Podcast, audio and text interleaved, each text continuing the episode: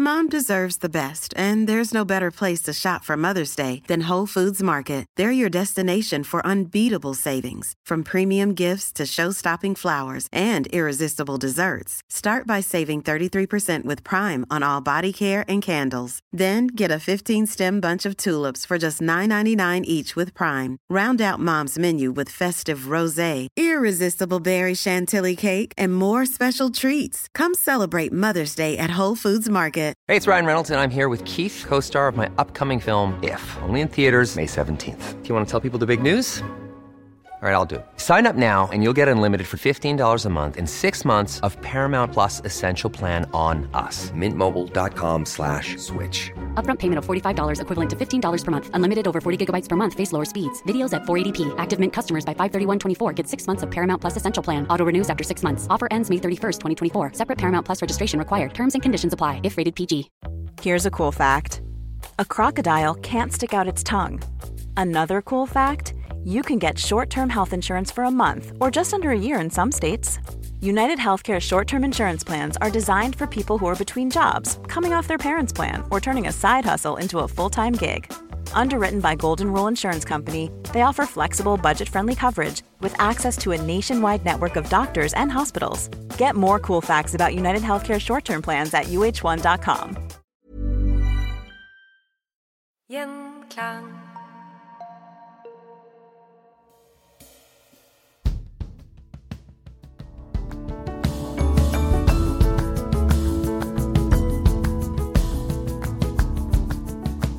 Velkommen til Historier som endret Norge. I dag skal vi høre om Magnus Lagerbøte. Kanskje en personlig favoritt for meg. En av de beste kongene vi har hatt. Men får vi forhåpentligvis svar på, for i dag skal vi snakke om kong Magnus og svare på hvordan han har endra Norge. Og med oss til å gjøre den jobben er podkaststjerne Are Sende Osen. Velkommen til Historier som endret Norge. Hei, hei, Kristian, og takk for at jeg får komme. Ja, det er veldig, veldig, veldig hyggelig. Altså, du er jo travelt opptatt med, med podkastserien Kongerekka, og i høst nå så har du òg eh, fått ut eh, boka Kongerekka bind 3, den siste viking, motgang, fremgang og undergang. Ja. Og eh, vi skal i dag tilbake igjen til Kaller vi det høymiddelalderen? Eh, ja, det er jo litt sånn eh, komplisert det der, fordi at eh, man sier jo vikingtid, og vikingtid er jo egentlig en del av middelalderen. Og så driver man jo og snakker om den mørke middelalderen òg, men det er jo mange som mener at nei da, den mørke middelalderen var ikke noe mørk i det hele tatt, den. Og det var kjempebra at dette Romerriket gikk i oppløsning, for dermed så fikk man masse forskjellige politiske systemer og en veldig spennende økonomisk og politisk dynamikk og eh, antikke idealer og forskning ble videreført gjennom både arabisk innflytelse og eh, forskjellige klostre og alt mulig sånt. Så de begrepene her er litt sånn, eh, litt sånn vanskelig å forholde seg til, men vi er nå i hvert fall eh, Når det er Magnus Lagabøte, så er vikingtida over. Det der har man jo drevet og krangla mye om òg, vet du. Ja. Når var det vikingtida begynte, og når var den slutta? Tradisjonelt sett så sier man at eh, vikingtida begynner med angrepet på den eh, engelske øya Lindisfarne i jeg tror det var 793. Men det var jo vikingreid i England før det òg, så vikingtida den begynte før den begynte.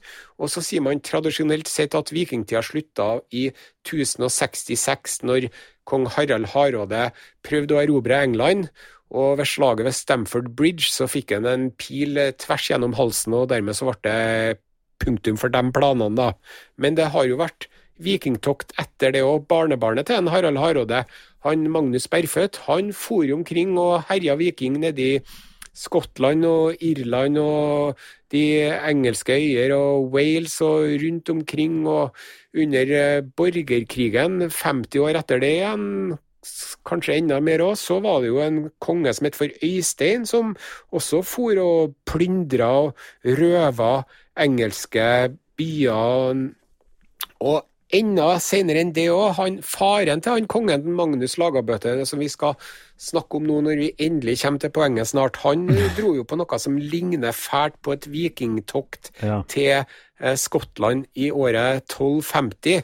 Men da ser man at nå er vikingtida definitivt over, for når kong Håkon Håkonsson kom til Skottland med vikingskipene sine, så ble de møtt på land av engelske riddere. Sir Galahad-typer, altså riddere i rustning som sitter der med lanse og visir oppå hester med rustning.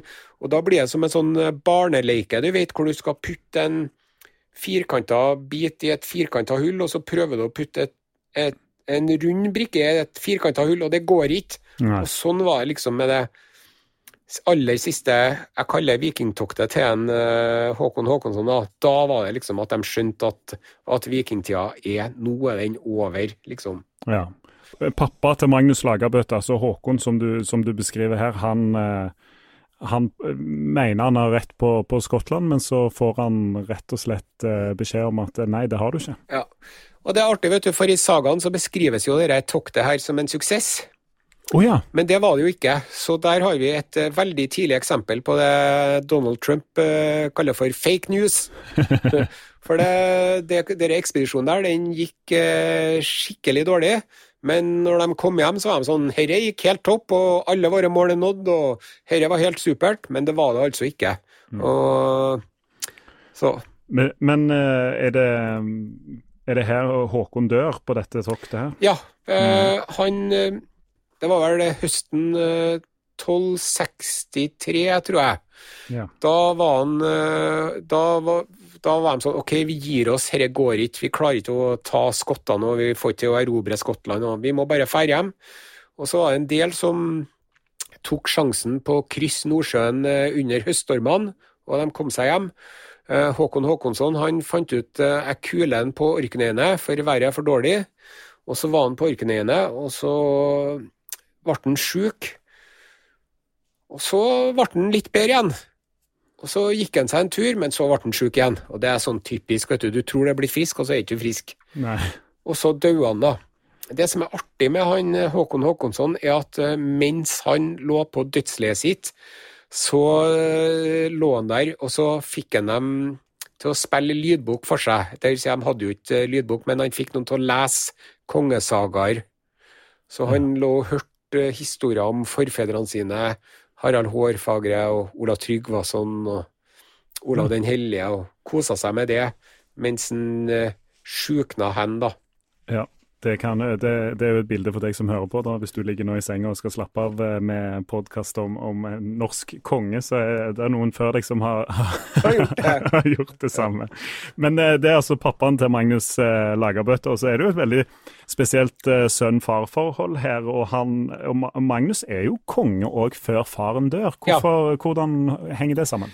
Ja, eh, nå får du den lange versjonen her, da. Ja da. Han, Håkon Håkonsson han hadde, en, eh, han hadde flere sønner. Han hadde eh, en sønn som het for eh, Olav, men han døde veldig ung.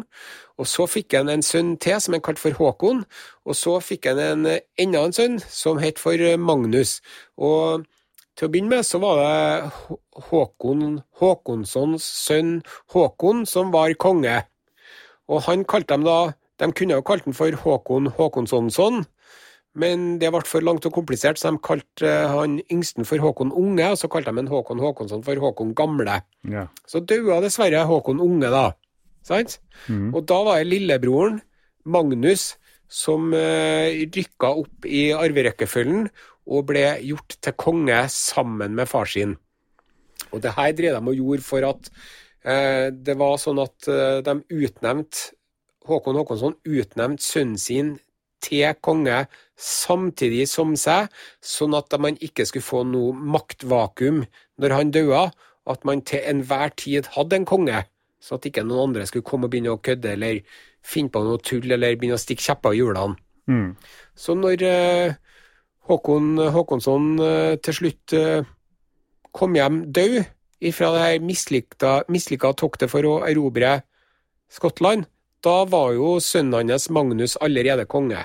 Sant? Ja. Og Magnus eh, fortsatte i samme tralten som faren, og han hadde veldig mange av de samme rådgiverne som faren.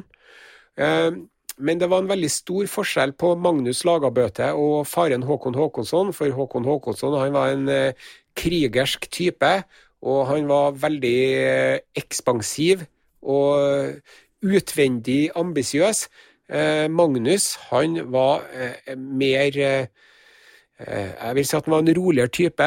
Han var mer reflektert, og han var også litt mer realitetsorientert. For han skjønte f.eks. at vi klarer ikke å ta Skottland. Vi klarer ikke å ta Skottland, og selv om vi skulle klare å finne på å ta Skottland, så klarer vi ikke å holde på Skottland, så vi må bare liksom glemme Skottland.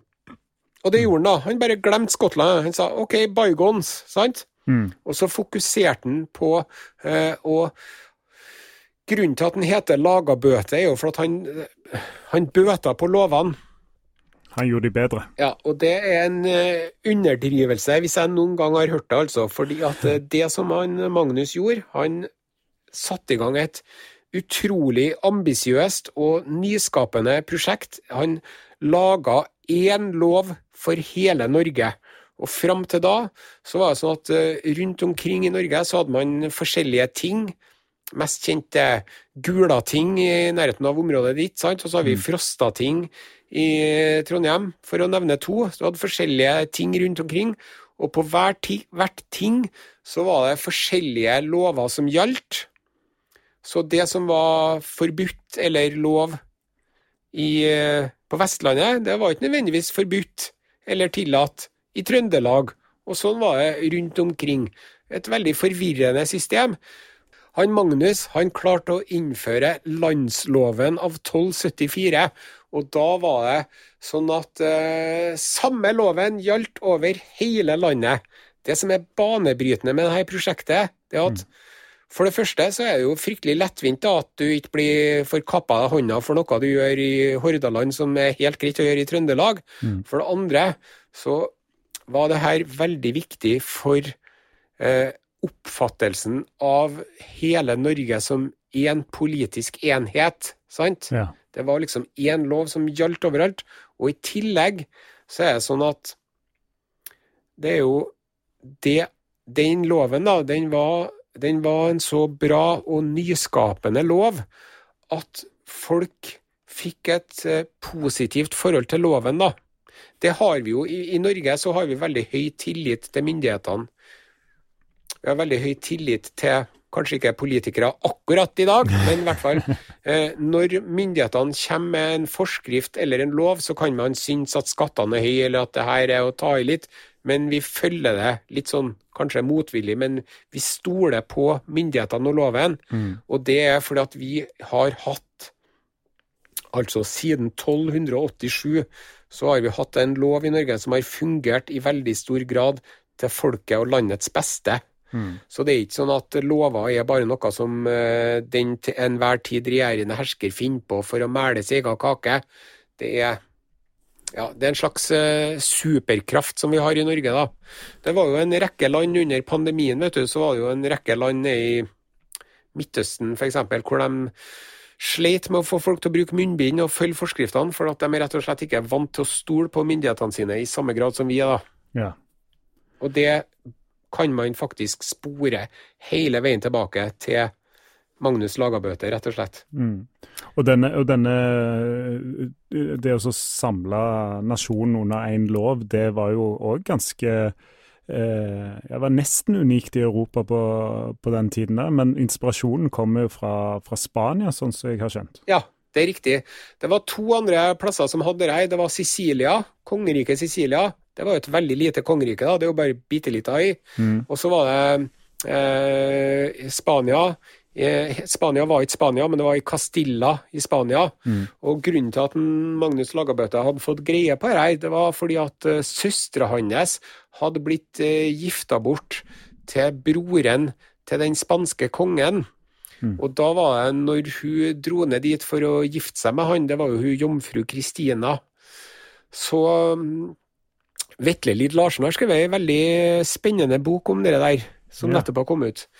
I hvert fall da når de sendte hun, jomfru Kristina for å gifte seg med han derre spanske fyrsten der, så hadde hun med seg en eh, rekke følgesvenner, annet en del av rådgiverne til både kong Håkon Håkonsson og Magnus Lagabøte.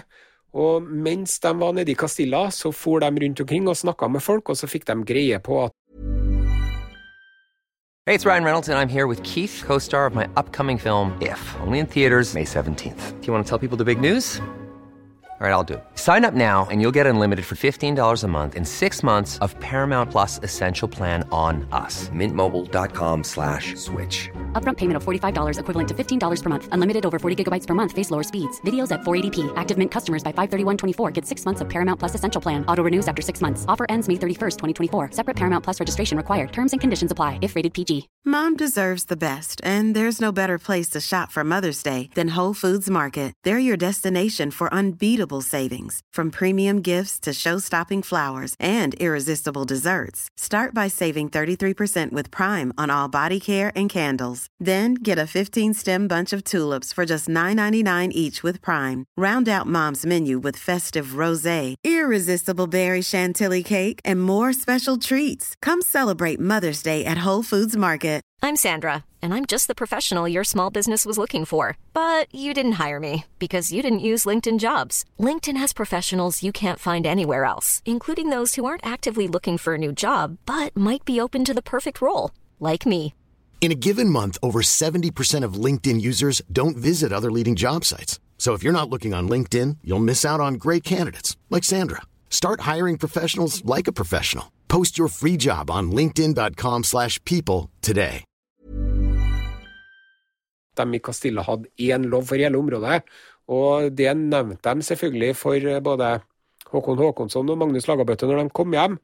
Og da tror jeg at en Magnus Lagabøte rett og slett uh, slo seg på låret og sa sånn skal vi jo ha! Og så begynte de da å utvikle det her arbeidet, og det var en lang og komplisert og slitsom prosess. Og annet erkebiskopen drev og satte seg på bakbeina og nekta å innføre det her, for at eh, han mente at eh, kirka og prestene skulle ha en egen lov som het for kirkeretten, og man trengte ikke noe landslov, for man hadde jo kirkeretten og sånn, og drev og laga trøbbel. Men eh, Magnus Lagabøte var veldig lur, så mens eh, erkebiskopen var på utenlandsreise i en eller annen sånn kirkebusiness nede på kontinentet, så skyndte han seg å innføre landsloven mens biskopen var borte. Og dermed så fikk han gjennomført det. Det, det er veldig bra. Men altså, da, eh, Kirken er kritisk, eh, men folk eh, flest, da? Altså, hva, hva er situasjonen? Er det et liksom eh, Ville vi sett på det som et litt sånn lovløst samfunn før denne loven, eller hvordan var, var det for hvermannsen? Ja, det var jo utrolig trasig til vanlige folk, rett og slett. Ja. Eh, og man eh, eh, Det er jo sånn eh, Det med blodhevn det var Ja. jo en greie som gikk igjen, sant? Hvis det var noen som var uheldig og slo i hjel noen, så kom det en slektning av dem og slo i hjel en slektning av deg. Og så måtte du slå i hjel en slektning av dem, og så måtte du slå i hjel en slektning av dem. Og sånn ble det en eh, evig blodig runddans med hevn og hevn og hevn til det var ingen som huska på hvorfor det hadde begynt engang. Det her fikk han eh, gjort. Han fikk vel ikke eh, endt det helt, men han fikk i hvert fall gjort en slutt på det. da. Og så var det jo sånn at det var jo eksempel hvis du stjal ei Hvis du stjal en løk til ungen din fordi at eh, du holdt på å sulte i hjel, og ungen din holdt på å sulte i hjel, da var det omtrent dødsstraff for det. Så han fikk endra på det. da, Han fikk endra sånn at eh, hvis du er så fattig at du må stjele mat for å overleve, så skal du ikke bli slått i hjel av den grunn. De hadde en, et veldig godt eksempel, og et eh, groteskt eksempel på en sånn eh, heslig lov som en eh, Magnus Lagabøte fikk eh, avskaffa. Det var eh, noe som heter for gravgangsmenn. Ja, hva var det? Jo, det var Gravgangsmenn var at uh, hvis det var en lutfattig familie uten eh, nettverk eller eh, støttespillere noen plass, hvis de for til en bonde og banka på døra hans og spurte om å få mat, så sa bonden 'kom her', og så gikk han bort til kirkegården, og så gravde bonden en grav på kirkegården. Det må ha vært en ganske stor grav, da, hvor det var plass til en seks-sju stykker. Og så etter at han hadde gravd den grava, så sa han 'vær så god'. Hæ, hva sier du? Vær så god, hopp oppi grava. Og så måtte eh, mor og far og bestefar og onkel Ivar og alle barna Per, Pål og Kari de måtte hoppe nedi grava. Og så måtte de være nedi grava her til alle unntatt én var død. Ja. Og den siste som var i live, da, når alle de andre hadde daua, det var da vinneren av grav, gravgangskonkurransen 1270. Og da fikk man ikke verken en Subaru eller et eget TV-program eller bokkontrakt eller eh, platekontrakt, men da fikk man altså graut av bonden, da. Resten av livet skulle man få, da. Ja. Det her fikk en eh, Magnus Lagabøte oppheva og avskaffa. Mm. Da var det sånn, den som kom for å få mat, hvis han ikke var i stand til å få arbeid, så skulle han få seg en matbit. Men hvis han var i stand til å gjøre arbeid, så skulle bonden først sette han til å hogge ved eller klippe plener eller gjøre et eller annet, og så skulle han gi han mat. Men hvis den personen nekta å gjøre arbeid, så skulle han banke han, og så tvinge han til å gjøre arbeid, og så gi han mat, da. Så det var jo ikke noe velferdssamfunn, det var det på langt nær. Og det var jo utrolig kjipt å være fattig, men det ble faktisk eh, bitte lite grann bedre under Magnus Lagabøte enn det hadde vært før, da. Magnus Lagabøte, før han var tiltenkt å, å, å bli konge, så var han jo òg i, i kloster, og um, den kristne nestekjærligheten kom jo liksom litt gjennom denne, denne loven her, da. Ja. Eh, han, eh, Magnus Lagabøte han vokste opp i Bergen, og han gikk i skole hos eh, fransiskanermunkene i Bergen. Og det er litt sånn overraskende, fordi at um, dere fransiskanermunkene de var veldig sånn uh, nøktern og sparsommelig og uh, opererte litt sånn som Frelsesarmeen gjør i dag, da. De driver med nødhjelp til fattige og suppekjøkken og suppe, såpe og frelse, liksom. Mm, Og drev og tok seg av folk. Det hadde egentlig vært eh, mye mer og naturlig å sette den bort til litt mer sånne luksusmunker som var mer opptatt av eh, glitter og stas og salmer og sånn, men han vokste faktisk opp hos disse fransiskanermunkene, og der tror jeg at han må ha opplevd og sett mye av den sosiale urettferdigheten og de store forskjellene som var i Norge på den tida, og kanskje at han tenkte at eh, herre må vi få gjort noe med. Mm.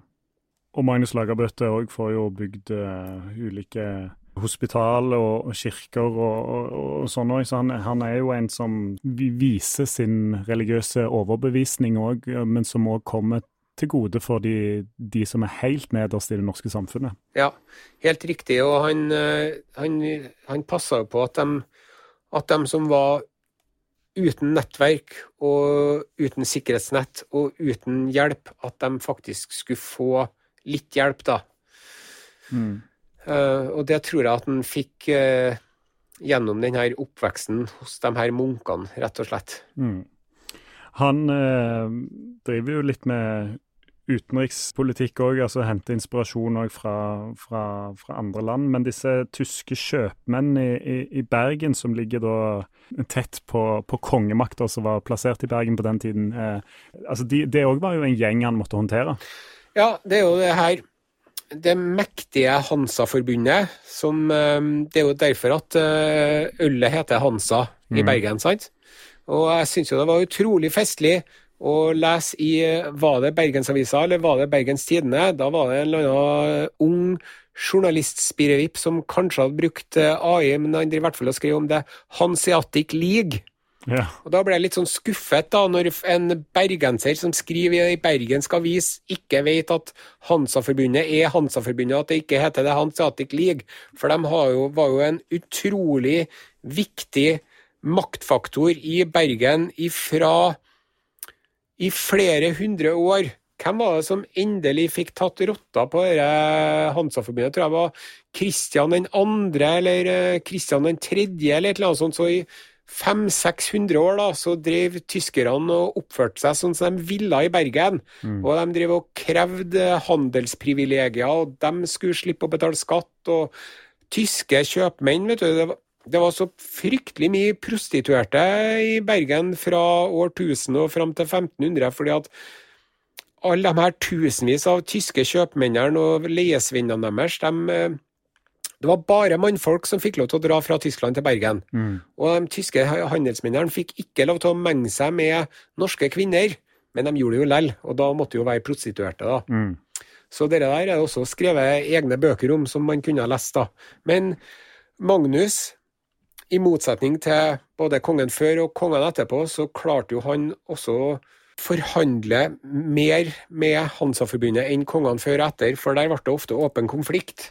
Du beskriver i podkasten din Kongerekke at uh, de legger frem krav, og, og diplomaten Magnus uh, han uh, innfrir disse kravene, ja. for han skjønner òg at uh, kornet til tyskerne det er ganske viktig for å holde ro i orden i, i kongeriket. Ja, det er riktig, og takk for at du minte meg på det. Og du ser jo også at når uh, sønnen til Magnus, da uh, Begge sønnene til Magnus blir konge etter hvert. Først har du han Eirik Prestehater, og så har du han Håkon Langbein.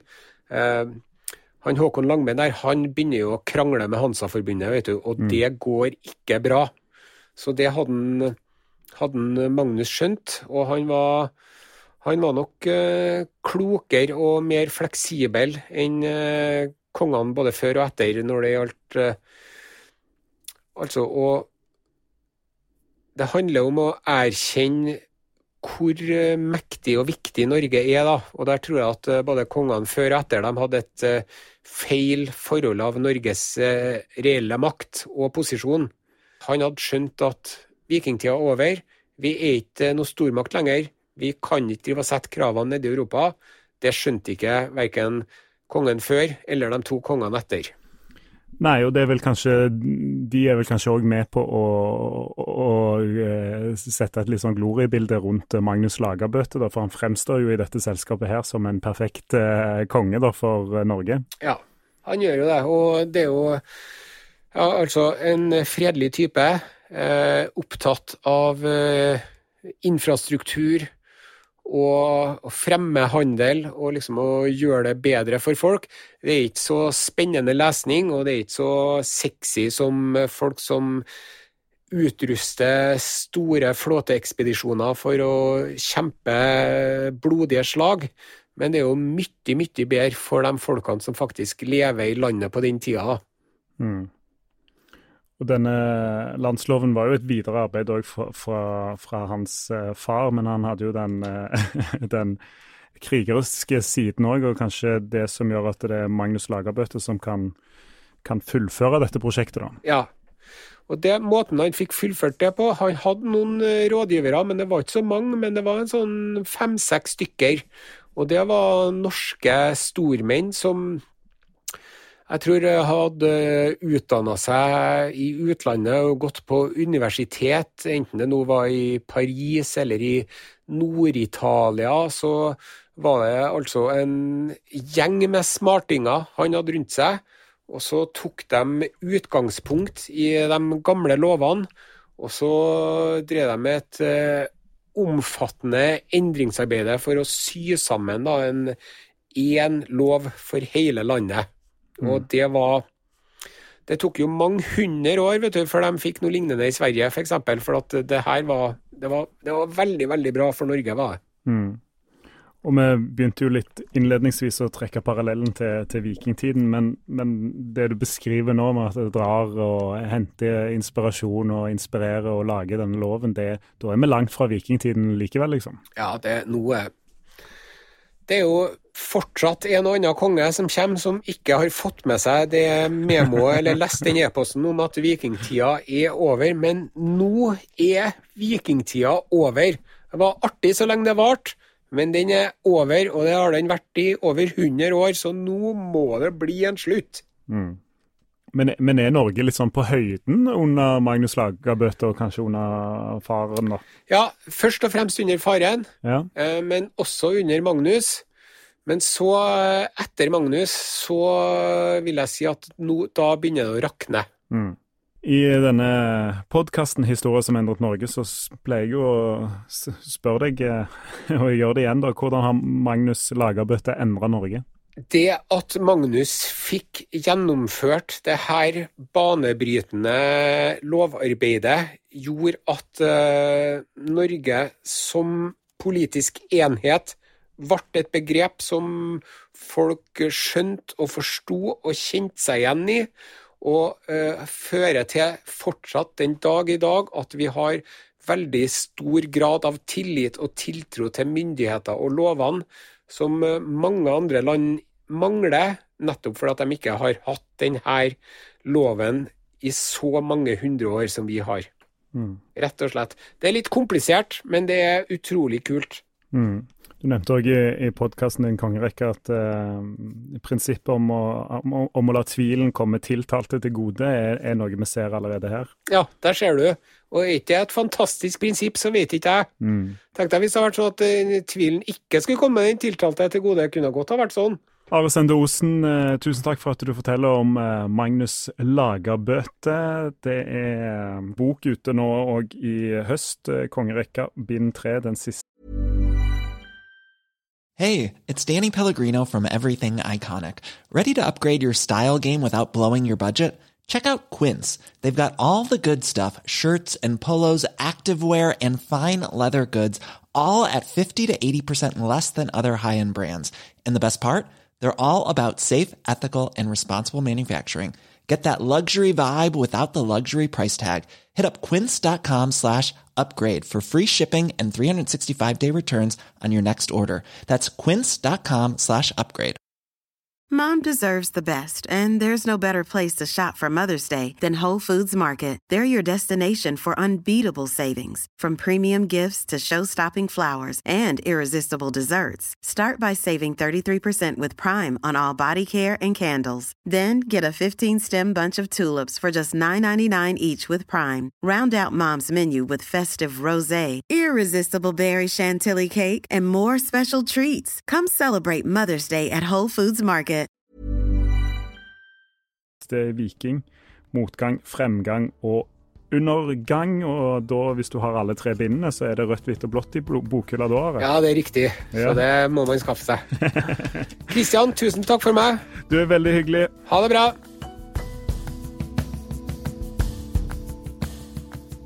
Hvis du er glad i historier som endret Norge, så vil du òg like historier som endret verden. Kollega Kristian Konglund han eh, kommer med en ny episode hver torsdag. Og nå på torsdag så kommer han med en splitter ny episode av Historier som endret verden. Ta og Sjekk ut eh, den.